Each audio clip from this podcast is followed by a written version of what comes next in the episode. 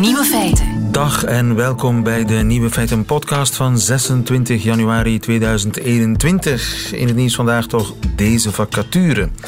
Ik lees hem even voor. Bent u dol op snoep en chocolade? Dan is dit wellicht de perfecte functie voor u. Momenteel zoeken wij van Candy Funhouse fulltime en parttime candyologen. Dat zijn dus snoepkundigen. Het Canadese bedrijf Candy Funhouse zoekt mensen die enthousiast en gretig, maar ook eerlijk en objectief de 3000 verschillende snoepjes en chocolaatjes die het bedrijf produceert willen proeven en beoordelen. Een uh, hele verantwoordelijkheid dus. En het goede nieuws is, u hoeft er niet eens voor naar Canada. Parttime snoepkundigen mogen van thuis uit werken en verdienen toch 30 euro per uur. Solliciteren kan tot 15 februari. Veel geluk ermee. De andere nieuwe feiten. Het betongeheim van de Romeinen is ontsluierd. Namelijk waarom hun beton zoveel sterker was dan het onze nu is. Er komt wellicht nooit meer een ijstijd. Mensen bang maken werkt als je hun gedrag wilt veranderen, maar het werkt maar kortstondig. En Duitsland koopt het medicijn dat Trump genezen heeft van COVID-19. De nieuwe feiten van Nico Dijkshoorn hoort u in zijn middagjournaal. Veel plezier. Nieuwe feiten. Radio 1. Ja, iedereen is bang voor de derde golf die eh, in de verte staat te lonken. Maar kennelijk is die angst niet genoeg om ons gedrag te veranderen. Lotte van Dillen, goedemiddag. Goedemiddag. Je bent sociaal psycholoog aan de Universiteit van Leiden. Die derde golf die komt er in de verte aan. Uh, in Nederland is ze er misschien, bij ons nog niet. En toch gaan heel veel mensen gewoon naar hun werk terwijl thuiswerken verplicht is. Er is amper 20% minder verkeer. Er staan gewoon files. Er zijn 20% minder lang dan uh, op gewone dagen zonder corona, dan vorig jaar bijvoorbeeld rond deze tijd. Hoe komt dat? Zijn we niet bang genoeg? Um, nou, ik betwijfel of, uh, of het zin heeft om ons nog uh, banger te maken. Want uh, dat, ik denk eerder dat we al te lang bang zijn geweest. Oh, dat moet je eens uitleggen. Ja, ik, ik was zelf natuurlijk ook geïntrigeerd geraakt door de berichtgeving over ja, de pandemie en hoe, hoe dat ons tot ander gedrag moest aanzetten.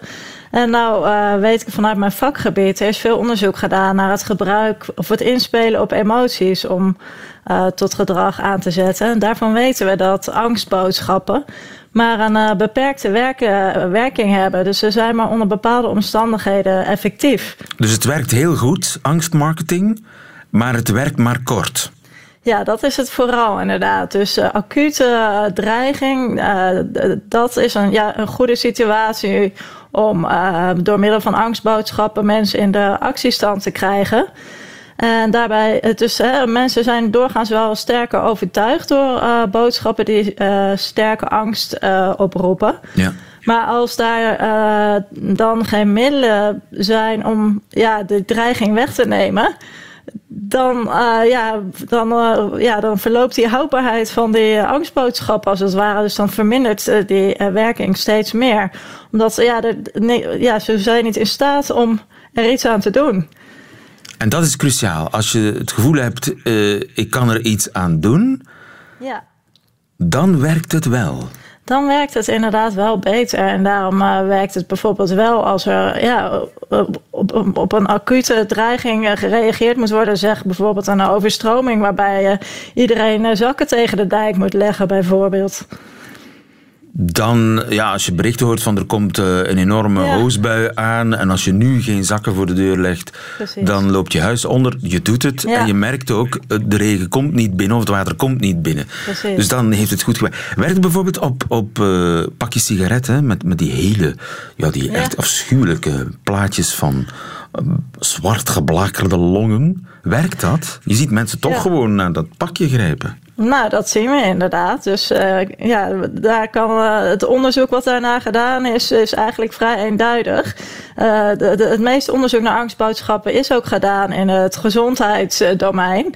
En wat we weten van dat onderzoek is dat die pakjes, um, die, die enorm dreigende plaatjes met inderdaad verteerde longen, uh, dat mensen die, die wenden hun aandacht daar gewoon vanaf. Of ze kopen een mooi hoesje voor een pakje sigaretten omdat het gewoon, ja, ze, ze voelen zich niet in staat om daar iets mee te doen. Ze vinden het vervelend dat ze op die manier aangesproken worden.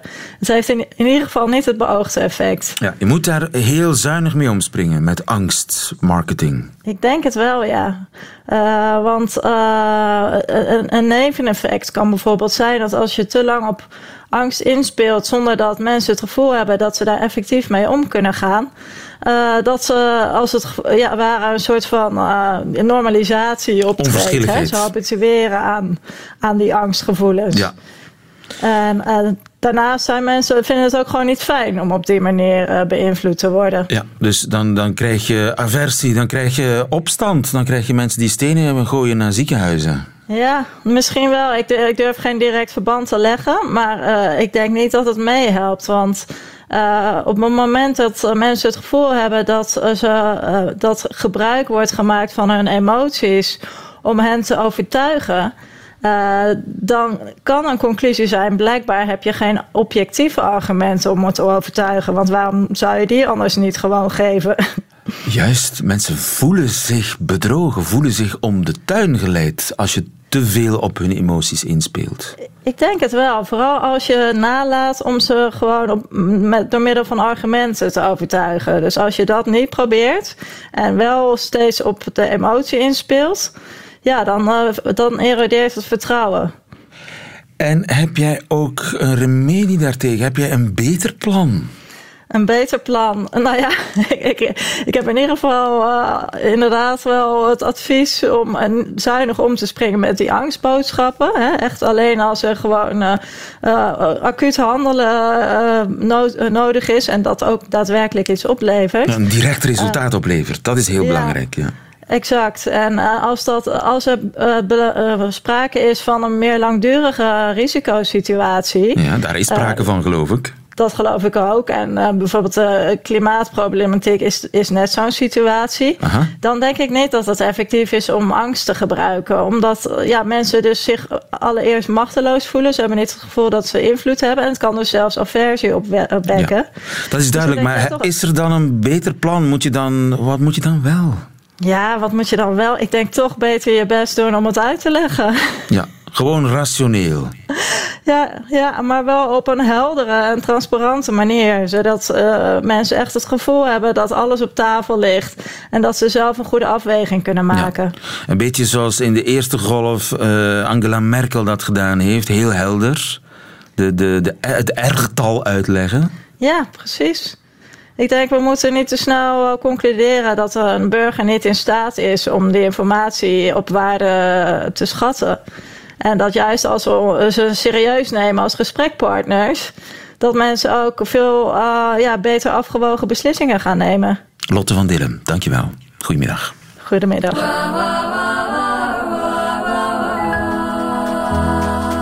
Nieuwe feiten. Het middel dat Trump destijds zo snel deed genezen van COVID-19, wel, dat middel is nu door Duitsland aangekocht. Johan Nijts, goedemiddag. Goedemiddag. Je bent viroloog aan de Universiteit van Leuven.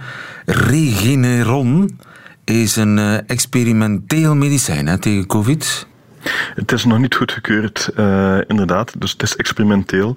Uh, maar men wil in Duitsland het gebruiken op uh, basis van wat men noemt compassionate use, dus op basis van compassie, voor mensen die, uh, ja, hoogrisicopatiënten, die, uh, ja, die veel kans maken om heel erg ziek te worden, uh, die ook niet gevaccineerd zijn nog. Ja. en die willen we dan daarmee behandelen en dat, een, dat ze dan niet al te ziek zouden worden. Dat is een mogelijkheid voor medicijnen die nog niet zijn goedgekeurd om die ja, compassion, compassionate gebruik... Compassionate use, ja. Compas, compassiegebruik, mededogen gebruik, om dat toe te staan.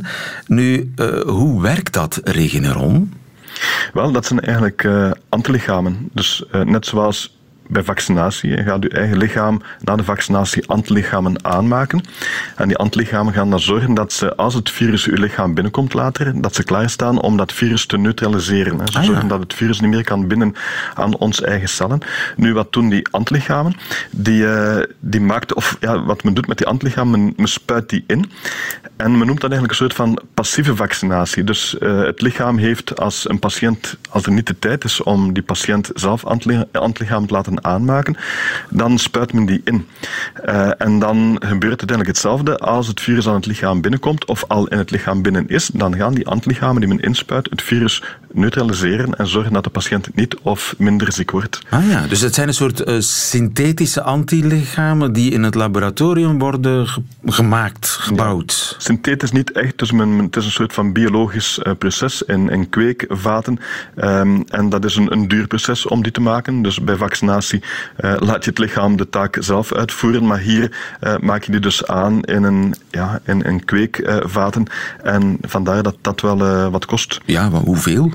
Wel, um, Duitsland heeft nu uh, 200.000 van die dosissen aangekocht voor een prijskaartje van 400 miljoen euro. Uh, dus het komt denk ik op 2000 euro per, uh, per dosis per uh, patiënt dan ook. 2000 euro per dosis? Dus als je dat afzet tegenover de kostprijs van, het, van de vaccins, AstraZeneca is ergens tussen 2 en 3 euro voor een vaccin. Moderna Pfizer rond de 15, 16 euro. Dat is een totaal andere grote orde van, van ja, kosten. Ja. Dus als vaccin zou ik het zeker niet aanraden, maar het verschil met het vaccin is dat dit mensen kan genezen die de ziekte hebben gekregen? Wel, dat moet nog blijken uit de studies, maar uh, van wat we al weten uit bepaalde studies is dat ze toch in die uh, mensen die vroeg, uh, op het moment dat dus vele patiënten die positief zijn, als men die vroegtijdig begint te behandelen, dan ziet men toch dat die, het aantal viruspartikeltjes in hun lichaam danig aan het dalen is. En trouwens, we hebben dat ook bij ons, niet met dat van Regeneron, maar van onder andere dat van collega Xavier Salens in, in Gent. En ook van de Zwitserse Amerikaanse bedrijven, die hebben ook van die antistoffen, antilichamen. En dat hebben we getest in onze hamsters, die we infecteren met het coronavirus. En dan zien we eigenlijk fantastische werkzaamheid. Dus als je een spuitje geeft met die antistoffen, dan kunnen we in de longen van die hamsters het virus niet meer terugvinden.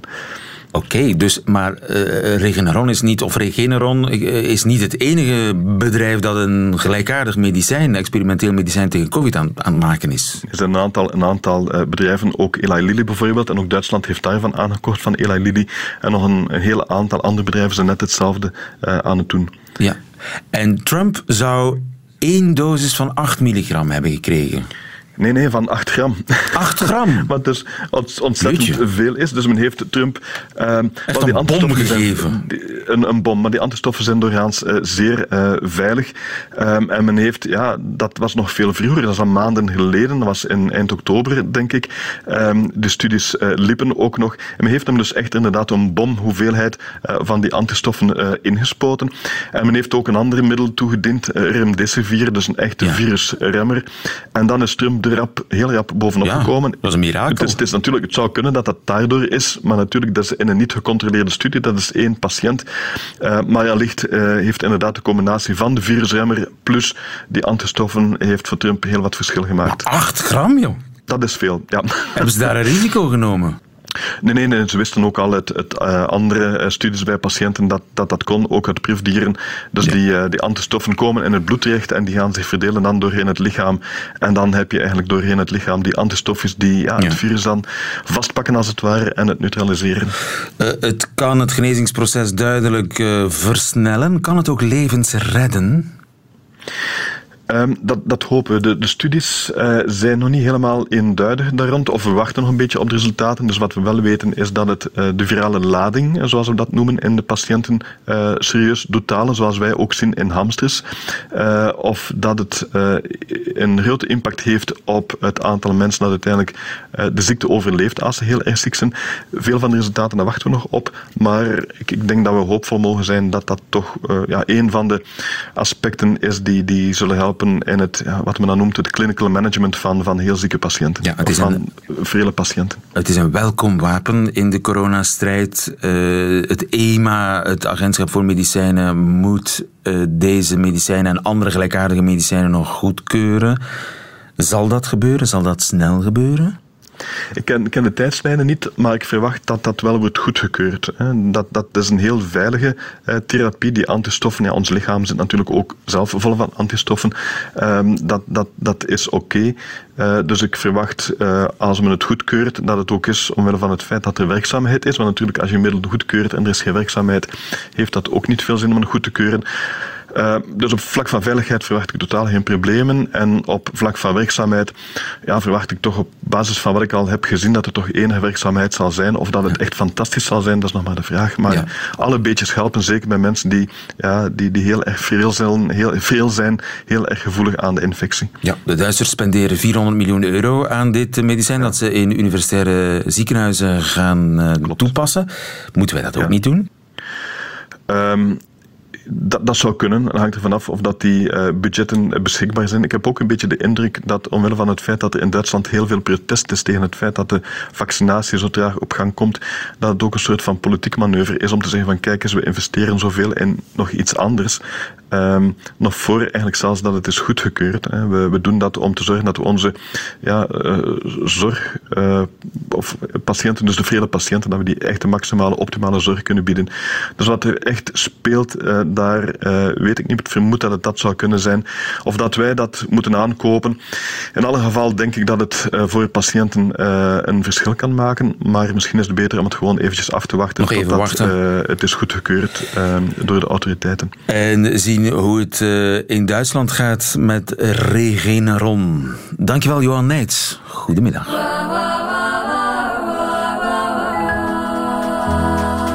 Nieuwe feiten. Er komt wellicht nooit meer een ijstijd, blijkt uit onderzoek waar Jeroen van der Lubbe aan heeft meegewerkt. Goedemiddag, Jeroen. Goedemiddag. Je bent onderzoeker van de, de VU, de Vrije Universiteit in Amsterdam. IJstijden. Wanneer is de laatste ijstijd ook alweer gestopt? Ja, dat, is het, uh, dat uh, noemen we het zogenaamde Last uh, Glacial Maximum. Zo, dat was rond drie, ongeveer 23.000 jaar geleden. Ongeveer 23.000 jaar geleden. En hoe zag Europa er toen uit? Een groot deel ervan met ijs bedekt, hè? Ja, dat klopt. Er waren dikke, dikke gletsjers, bedekten een, een groot deel van, van Noord-Europa. En het typische uh, uitgesleten rotslandschap van Scandinavië is daar nog een, uh, een stille getuige van. En dat werkt met cycli, hè? die ijstijden. Dat heeft te maken met uh, de afstand van de aarde tot de zon. Ja, inderdaad. De, de baan van de, van de aarde om de zon en de stand van de aarde... die bepaalt in grote mate hoeveel zonneinstraling er op het aardoppervlakte is. En als dat minder is, hè, dan is er dan kan het dus, wordt het ietsje kouder op aarde. Ja. En heeft dat iets te maken met wat wij meestal de kleine ijstijd noemen? Ergens ja, 15e tot 19e eeuw, hè, prachtig uitgebeeld ja, nou ja, op, dat... op, de breugelschilderijen. Heeft dat daar iets mee ja, te maken? Dat, dat, nou, in, in, dat, is weer een, dat is weer een detail. Wij kijken over hele grote tijdschalen, over miljoenen jaren. En dit is waarschijnlijk inderdaad een, ook een vermindering van, uh, van, uh, van zonneactiviteit, uh, maar niet zozeer gerelateerd aan de baan van de aarde om de zon. Ja. En niet gerelateerd aan een cyclus? ja, wel aan een cyclus, maar niet aan naar de cyclussen die, die wij kijken. Die, die de kleine ijstijd veroorzaakt hebben, die vinden op hele relatief kleine tijdschalen plaats. Terwijl wij, ons onderzoek is echt gericht op tijdschalen van duizenden jaren. Dus ja.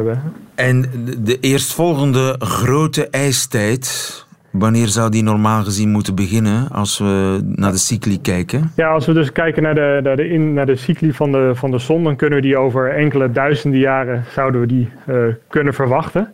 Uh, dan wordt dus, dus een, wordt de instraling van de, van de zon uh, op het aardoppervlak wordt relatief minder.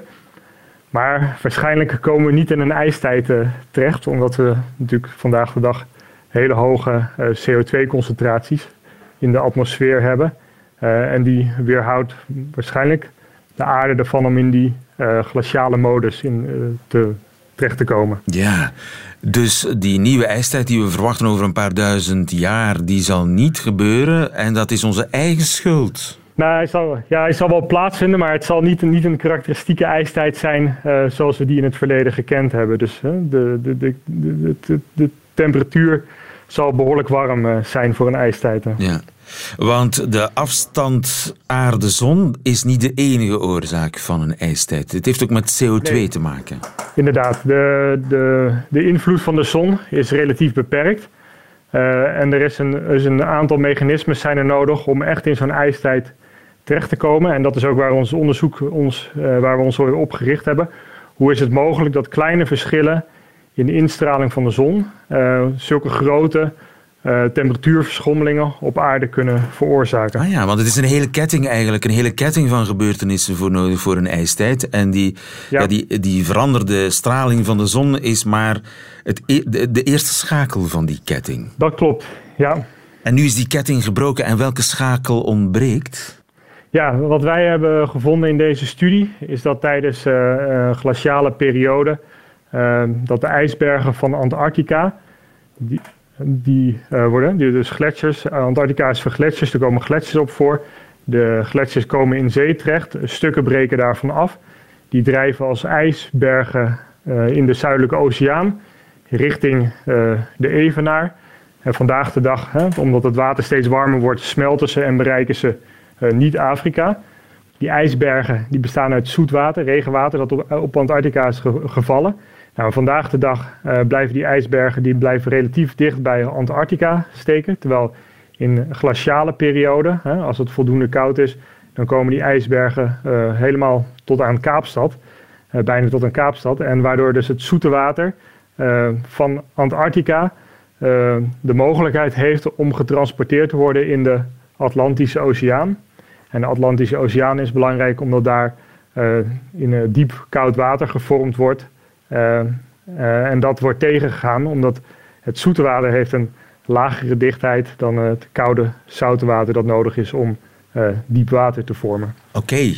en dus dat gesmolten ijs, zoetwater, dat tot in de Atlantische Oceaan komt, zeg maar, dat zorgt daarvoor andere stromingen? Ja, dat is correct, ja.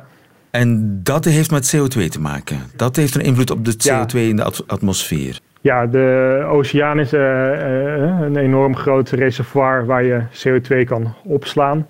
En de, als er dus uh, veel CO2 in het water oplost vanuit de zuidelijke oceanen, dan blijft dat dus in de diepe oceaan, blijft dat dan, ja, ligt dat eigenlijk opgeslagen in de, in, tijdens de ijstijden. Dus in ijstijden is er minder CO2 in de atmosfeer en meer in de zee.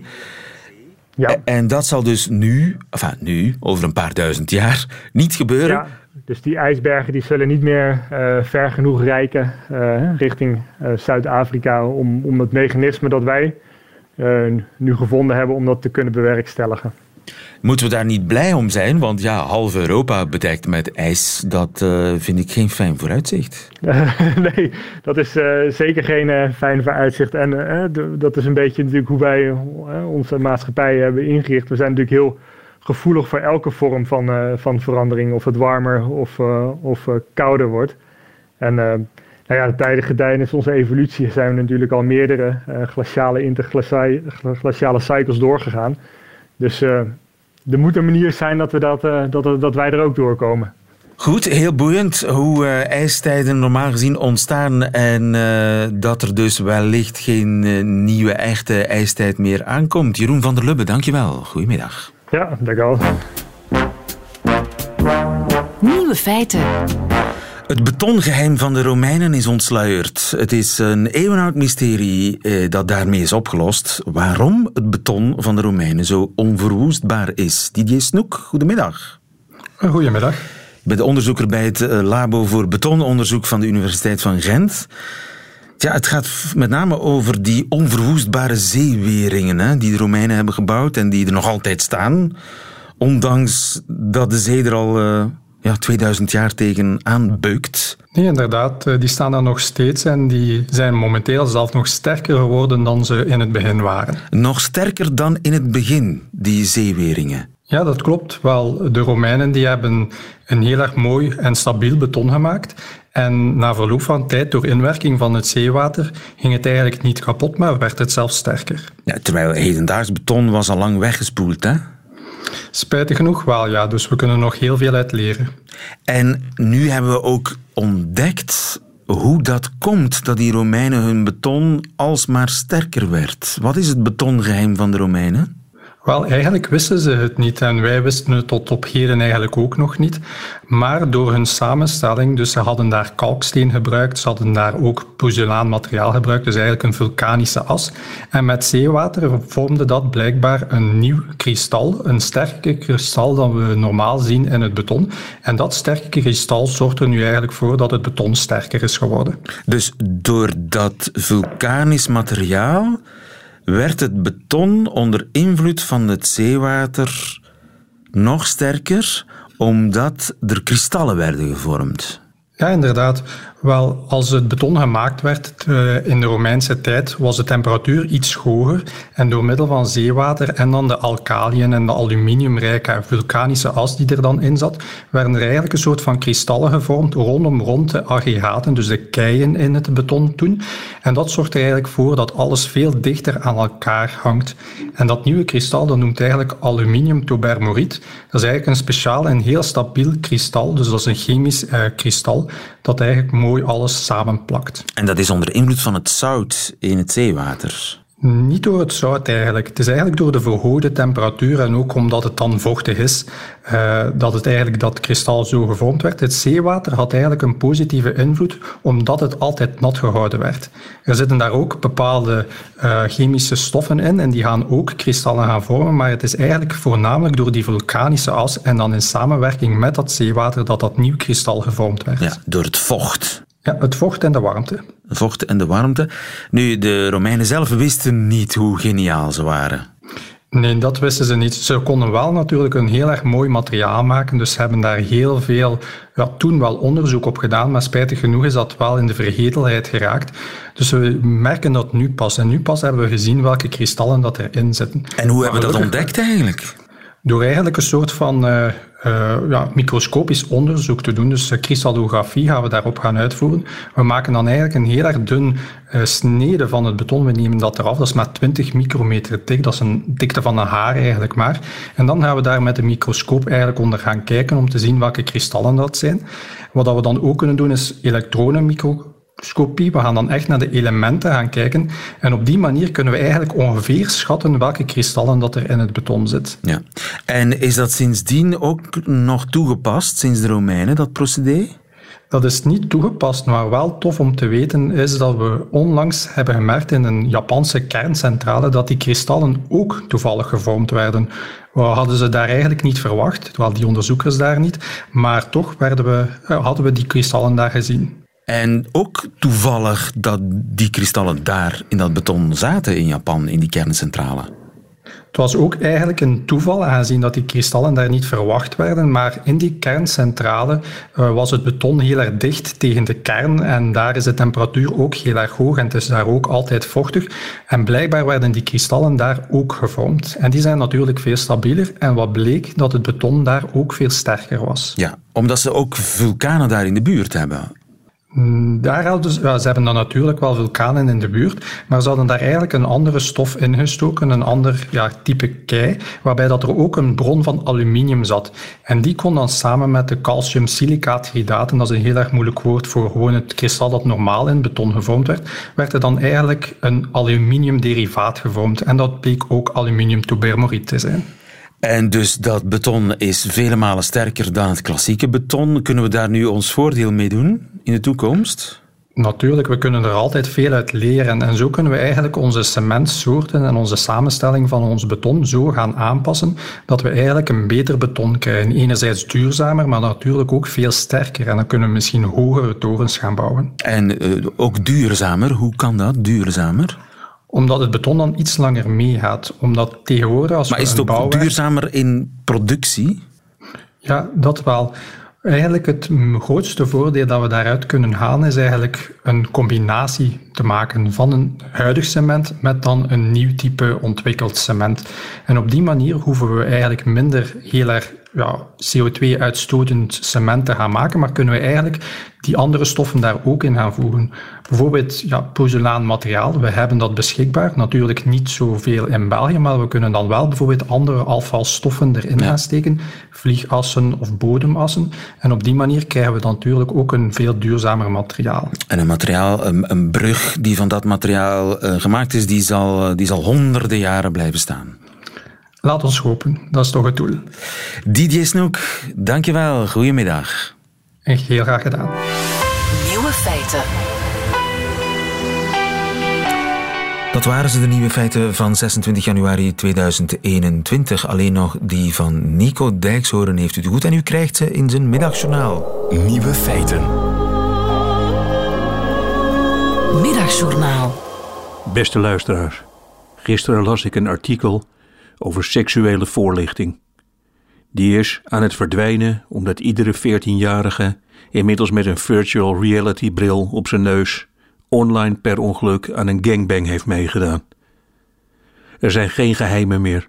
Niemand legt nog aan zijn zoon uit hoe je nou eigenlijk moet zoenen. Er zijn geen vaders meer die hun zoon aanraden om, als oefening, iedere dag zijn eigen onderarm nat te kussen. Kinderen ontdekken dat allemaal nu online. Ik zelf heb seksuele voorlichting altijd een beetje zonde van mijn tijd gevonden. Ik zelf had liever gehad dat mijn ouders me heel andere dingen hadden uitgelegd. Wat heeft het voor zin om seksuele voorlichting te geven als je je kind niet uitlegt dat hij nooit witte badstof sokken moet gaan dragen? En dat verwijt ik mijn ouders. Dat ze mij jarenlang drie paar sokken voor vijf euro hebben laten kopen. Ik heb tot mijn achttiende witte sportsokken gedragen. Ik wist niet beter. Al mijn vrienden droegen ze ook, en geen een van hun had een vriendin, nu snap ik waarom. Ik heb jarenlang, niets vermoedend, in de ronde gelopen als de bekende Oostenrijkse softporno-acteur Bruno Spritzensauger. Ik had sok aan, waarmee je ook je ramen kon lappen. Na één keer wassen waren je sokken zo klein dat ik ze daarna als pennen-etui gebruikte. Mijn ouders die hadden mij apart moeten nemen en ze hadden me moeten zeggen: Nico, de sokken die je nu draagt, dat zijn natuurlijk hele fijne sokken, maar als je ze blijft dragen, worden wij nooit opa en oma.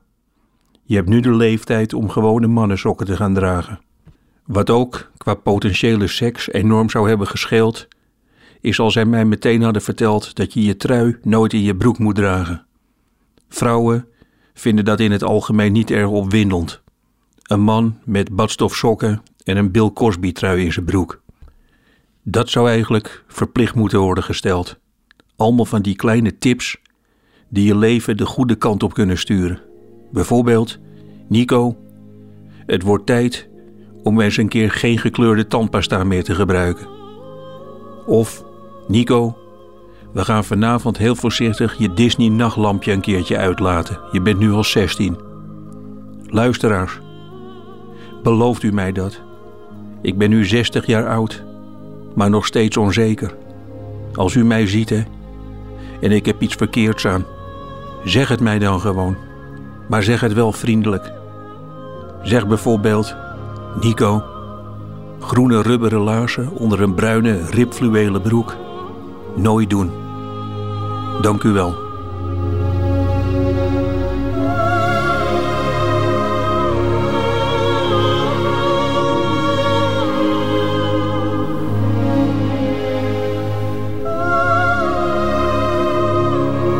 Het Middagjournaal met Nico Dijkshoorn. Einde van deze podcast. Wilt u liever de volledige uitzending van Nieuwe Feiten horen? Dat wil zeggen met de muziek erbij. Dat kan natuurlijk ook via radio1.be of via de app van Radio 1, waar u overigens nog veel meer fijne podcasts vindt. Tot een volgende keer.